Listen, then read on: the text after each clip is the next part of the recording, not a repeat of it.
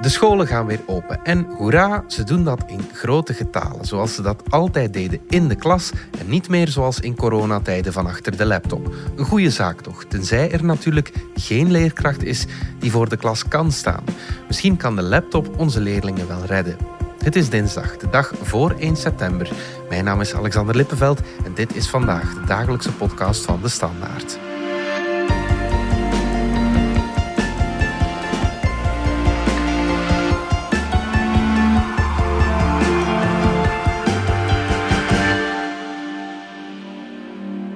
Klaas Maanhout, onze onderwijsspecialist. Als er iemand weet wat 1 september betekent bij ons, dan ben jij dat wel, hè? Uh, ja, ik ben nu toch weer al een enkele weken aan het rondbellen uh, in het Franse onderwijsveld. Mm -hmm. En uh, daar merk je toch ja, heel wat zenuwachtigheid. Een beetje soms verlangen om weer voor de klas te gaan staan. Ja. Um, Meer dan anders? Ja, ik denk toch wel dat door het ja, toch wel goede nieuws van de voorbije weken dat de minister heeft aangekondigd dat er weer meer mogelijk is, dat dat wel bij heel veel leerlingen, maar ook leerkrachten en ouders uh, uh, gesmaakt zal worden. Ja.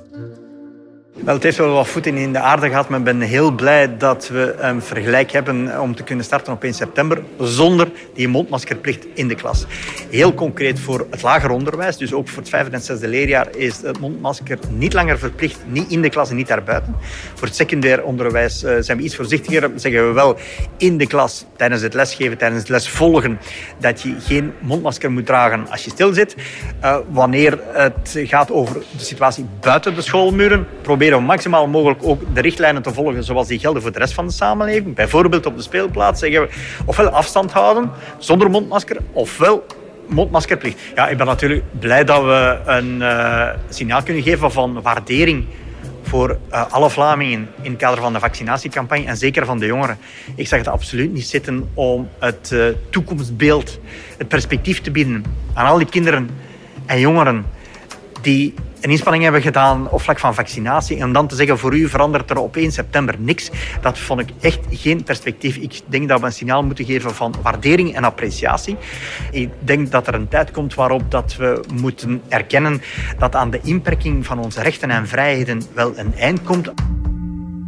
Nou ja, lekker samen in de klas. Dus een beetje terug meer naar normaal. Hè? Maar dat is niet overal het nee, geval. Inderdaad, we moeten dat onmiddellijk nuanceren. Want uh, ja, in Vlaanderen starten we meer normaal op. Zijn de leerlingen mogen een mondmasker in de klas afzetten en ook leerkrachten kunnen zonder mondmasker lesgeven. Mm -hmm. Dat is een grote win, maar dat is niet overal zo. Want in het Brussels gewest is beslist, zowel door de Vlaamse als als minister van Onderwijs, mm -hmm ja, Brussel, daar kunnen we nog geen versoepelingen toelaten. En ook in Vlaanderen ja, hangt het af van de, de trends. En ja, bijvoorbeeld veel voor de start met mondmaskers. En ik veronderstel dat ze wel nog her en der zullen opduiken, helaas. Ja, ja, ja. Maar natuurlijk, naast mindere afstand verdwijnt ook het afstandsonderwijs. Ja.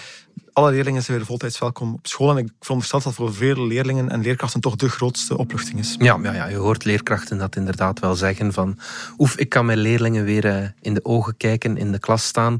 En ze zeggen, ik ben geen leraar geworden om de hele dag achter de computer te zitten.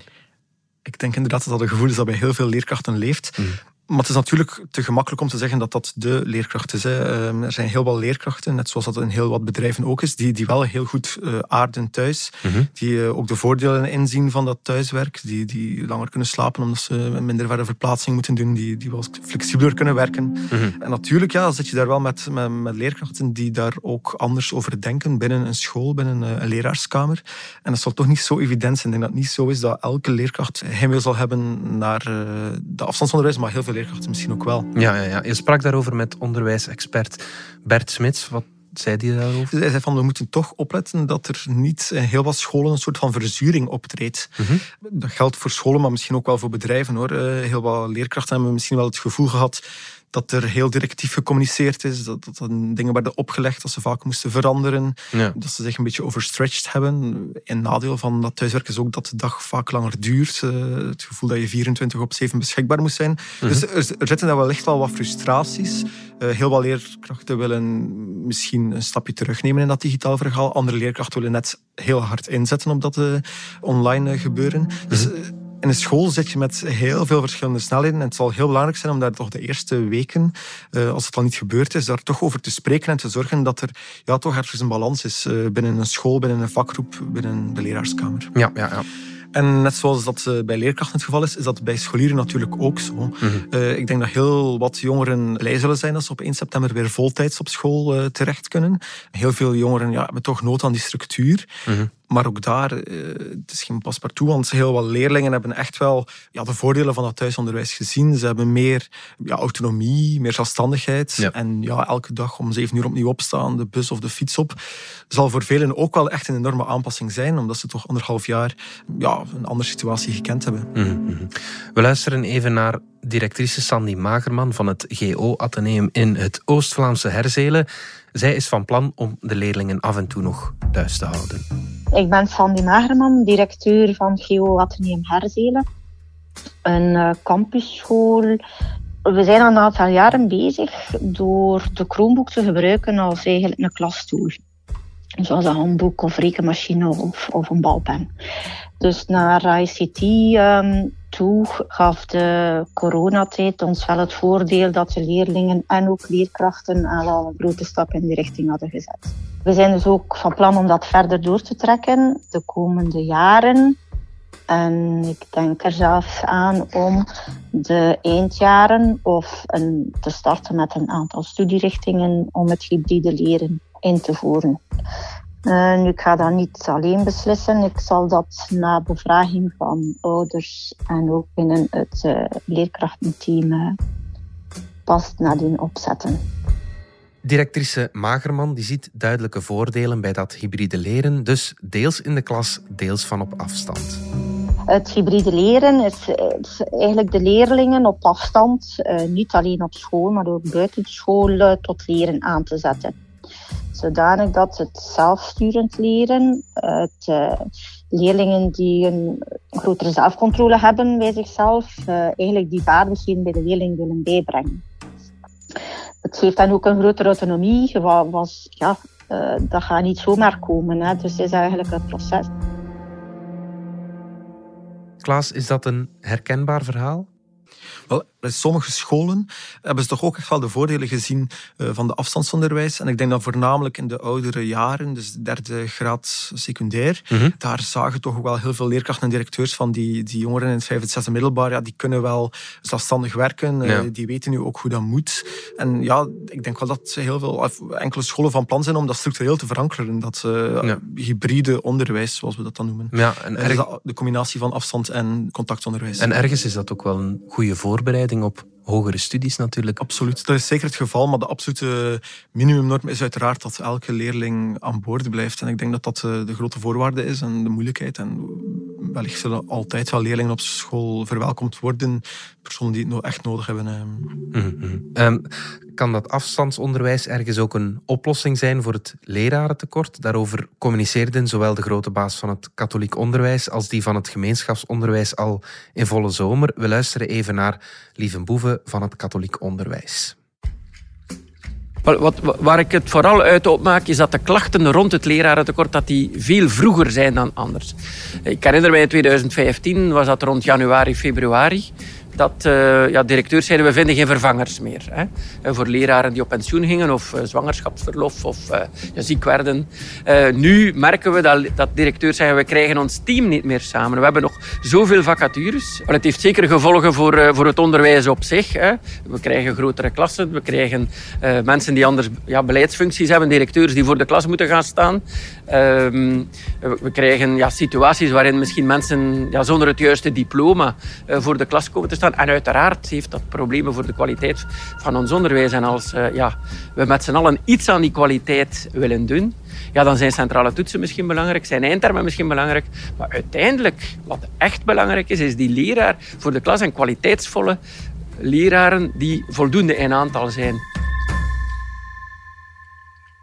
dat is echt wel een prangend probleem. Hè? Ja, inderdaad. En dit jaar is er vroeger gecommuniceerd, omdat ik ook echt wel hoor van directeurs dat het probleem groter is dan de voorbije jaren. Het is natuurlijk een terugkerend verhaal. Hè.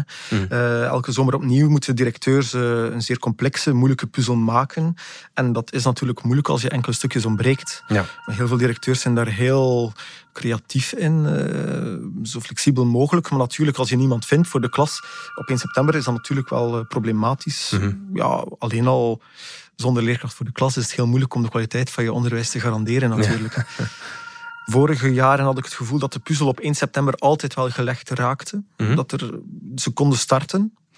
En dan merk je wel doorheen het jaar, door eh, uitvallen, zo'n ziekte, zwangerschapsverloven, eh, traditioneel de januari, februari maand heel moeilijk. Ja. En dan merk je doorheen dat jaar dat er inderdaad echt wel vacatures blijven openstaan. Ja. Ehm, dat is de laatste jaren stevast in vakken als Frans, wiskunde, ook heel veel technische profielen, leerkrachten mechanica en zo. Maar dit jaar is het toch wel erger, omdat er voor bepaalde vakken helemaal geen leerkrachten meer zijn. Zoals?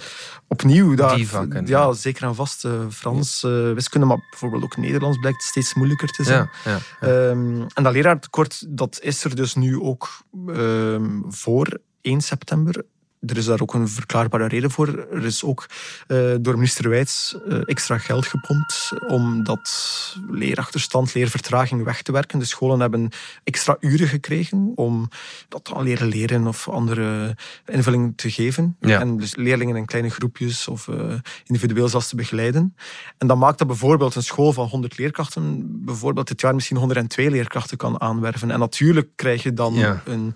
ehm, Dan is de vraag groter dan het, eh, dan het aanbod. Nog een beetje meer dan dat al was. Je zegt, ehm, scholen moeten daar creatief mee omgaan. Wel, ehm,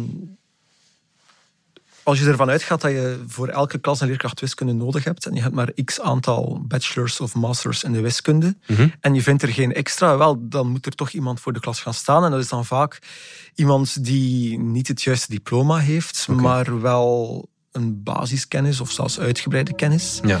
Maar natuurlijk wordt dat steeds moeilijker, want eh, in de krant stond eh, begin deze week dat bij de start van leerkrachten wiskunde dat er eigenlijk amper nog iemand, zeker in de derde graad, amper nog iemand het juiste diploma heeft. En dan gaat het over het diploma wiskunde, fysica of eh, ingenieurstudies. Ja. Eh, maar zelfs bij die startende leerkrachten wiskunde in de eerste en de tweede graad merk je dat meer dan de helft niet het geschikte diploma heeft en toch voor een klas Ja. leerlingen terechtkomt. Ja, ja, maar ja, laat ons een kat een kat noemen, Klaas. In de privé kan je nu eenmaal bakken meer verdienen met zo'n diploma in de exacte wetenschappen. Hè? Absoluut. En het is iets dat je vaak hoort. De laatste jaren wat minder, maar nu de nieuwe topman van het eh, gemeenschapsonderwijs, Koen Pelleriot, Mhm. stelde ook voor: why don't we pay them more? Zoals Joe Biden, de Amerikaanse president, zei. En natuurlijk, ja, er valt wel iets voor te zeggen. hè, Want inderdaad, eh, in het onderwijs werk je met barema's. Er is heel weinig eh, mogelijkheid om eh, af te wijken van die Geen mogelijkheid, Er is geen mogelijkheid om af te wijken van die loonschalen. En dan kun je natuurlijk zeggen, ja, als we echt ehm, ja, enkele knelpuntberoepen hebben, moeten we die dan niet meer betalen. Maar dat ligt natuurlijk heel gevoelig. Ja. Want ja, wie ga je meer betalen, wie niet? Ga je ze op diploma betalen? Ga je ze op de, de werklast betalen? Eh Pillerio had vroeger, eh, toen hij echt nog academicus was, het voorstel, ja, leerkrachten in het beroepsonderwijs betalen ze dus noods het dubbele. Ja. Want ja, wat, we vinden niemand om het te doen. En het is een zeer zware job. Ja. Ja, het is, het is een zeer complexe oefening. Ik denk dat het niet, eh, niet snel zal zijn. Het kost natuurlijk ook gigantisch veel geld. Absoluut, ja. Lieve Boeven van het katholiek onderwijs suggereerde onlangs een begin van een oplossing. Ja, het, het, werken met gemengde teams, waarbij we beroep doen op, op ja, iedereen die hoger onderwijs doet, of dat nu een, een graduaat is, een bachelor of master. En vanuit die verschillende expertises we werken eh, aan die kwaliteit van dat onderwijs, de loopbaan niet louter meer in uren uit te drukken, maar vanuit een, een jaaropdracht te werken, waarbij je meer vanuit het team gaat werken. Hè, en met het team samen afspraken maakt over hoe pakken wij dit onderwijs op deze scholen aan. Ja, die horen natuurlijk ook eh, bij eh, ja, het, ja, het, het- werken aan kwaliteit, maar ook het werken aan eh, ja, een, een, een hogere waardering voor dat lerarenambt. Klaas, jij interviewde de topman van het gemeenschapsonderwijs, Koen Pellerio. Zijn voorstel, dat lijkt hier wel wat op. Hè? Het centrale idee is denk ik om eigenlijk af te stappen van die, die hele strikte structuur die in het onderwijs eh, nog steeds gangbaar is. Zijn de, je, je wordt aangetrokken als leerkracht, je krijgt een voltijdse job en dat is dan 20 uur voor de klas, 22 uur, 24, afhankelijk van de, de graad. Mhm. En hij zegt van ja, eigenlijk is dat echt een heel rigide structuur, daar moeten we gewoon vanaf. Ja. Is niet dat we per se naar een 36 of 38 uur werkweek moeten, maar daar komt het eigenlijk in feite wel op neer. Want dan zeg Ja. je gewoon, kijk, we moeten weg van die lesuren. We geven gewoon leerkrachten een jaaropdracht. Ja. En dat kan ook heel erg variëren. Dat wil zeggen, door de opdracht van leerkrachten meer te differentiëren, dus meer een verschil te maken tussen leerkrachten die echt alleen maar lesgeven, leerkrachten die ook mee boeken ontwikkelen en zo. Ah, ja. Zou je kunnen zeggen van, Ja. ja. daardoor kan je ook andere profielen aantrekken. Mensen die misschien niet per se gemaakt zijn om Hmm. eh, alleen maar voor die klas te staan, maar die zeggen van, kijk, ik heb al andere talenten. En een leerkracht die heel graag en heel goed les geeft, die de klas perfect onder controle heeft, die dus dat klasmanagement heel goed beheerst, Hmm. ja, laat die dus nooit 30 uur lesgeven. Voor Ja. mij is dat geen probleem, Ja. zegt hij. Ja. En als er al leerkrachten zijn die veel minder lesgeven, Mhm. ja, tot daar aan toe, dan heb je ook ruimte om ja, tijd vrij te maken. Een leerkracht die heel graag en heel goed les geeft, die de klas perfect onder controle heeft, die dus dat klasmanagement heel goed beheerst, Mhm. ja, laat die dus nooit 30 uur lesgeven. Ja. Voor mij is dat geen probleem, Ja. zegt hij. Ja. En als er al leerkrachten zijn die veel minder lesgeven, Mhm. ja, tot daar aan toe, dan heb je ook ruimte om ja, tijd vrij te maken. En ik denk dat dat ook wel de hoop is van Pillerio, om zo andere profielen naar het onderwijs te trekken. En dat kunnen van statistici tot eh, psychologen zijn, die dan misschien meer de, de ook randtaken, die, die ook de laatste jaren cruciaal geworden zijn in het Ja, onderwijs, ja. die zijn heel centraal staan, in te vullen. Ja, oké. Toch nog even terugkeren naar die, naar die laptop. Kan de laptop de leraar in de klas vervangen? Ik denk dat alle experts erover eens zijn dat de laptop nooit de leerkracht zal vervangen. De Mhm. leerkracht die blijft eh, het belangrijkste. En dat klassikaal onderwijs dat is ook nog altijd een garantie op succes Mhm. voor, voor alle partijen. Dus nee, de laptop zal de leraar in de klas denk ik nooit vervangen. Mhm. Het is natuurlijk wel zo, en dat zou een van de ja, toch niet vaste gevolgen van dat lerarentekort kunnen zijn, dat ja, leerkrachten na anderhalf jaar corona-onderwijs wel weten hoe je een teamsverbinding opzet en hoe je een grote vergadering maakt. En stel dat er echt geen eh, leerkracht te vinden is, dan waarschuwt eh, onderwijspedagoog Peter de Bruiker ervoor dat misschien wel eens naar de oplossing kan gegrepen worden dat je bijvoorbeeld drie klassen voor de livestream zet en Ja. dat er dan één leerkracht Frans eh, zijn ding zal doen of haar ding zal doen. Ja. En dat is natuurlijk iets wat niet wenselijk is, maar misschien wel uitzonderlijk zal gebeuren. Ja. Ja, ja, ja oké. Het zijn heel wat uitdagingen hè, die op de borden van de directies komen.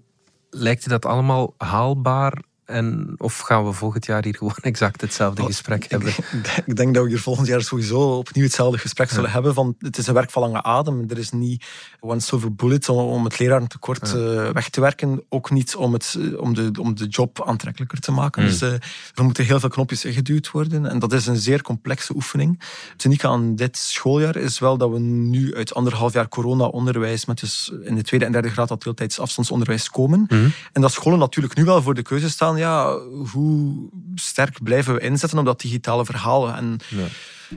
je ziet wel dat, dat heel veel scholen waarschijnlijk wel zullen terugplooien eh, op het eh, pre-corona-draaiboek, om het dan eventjes zo te noemen. Ja. Andere scholen zullen heel sterk inzetten. En dat kan zelfs binnen een school verschillen, zoals ook al eerder gezegd. Maar ja, het- is toch wel eh, een belangrijk jaar, terwijl dat, heel wat leraars, of dat er in heel wat leraarskamer precies toch wel nood is aan rust. Dat is iets wat ik vaak gehoord heb. Ja. En dat hoorde bijvoorbeeld ook Pedro de Bruiker wel. Dat heel wat leerkrachten zeggen van... Je mag niet vergeten, er is ook nog een modernisering van het secundair onderwijs. Mhm. We hebben vorig jaar heel veel over die, Die eindtermen. die eindtermen eh, geschreven. En natuurlijk, ja, nu starten die ook in het derde jaar. Dus eh, Ja. die rust die voor veel leerkrachten broodnodig is na anderhalf jaar toch wel soms diep gaan. Ja. Ja. Ja, die krijgen ze eigenlijk niet echt. Nee. Ja. Goed, Klaas, voor jou ook een fijne 1 september gewenst. Dankjewel.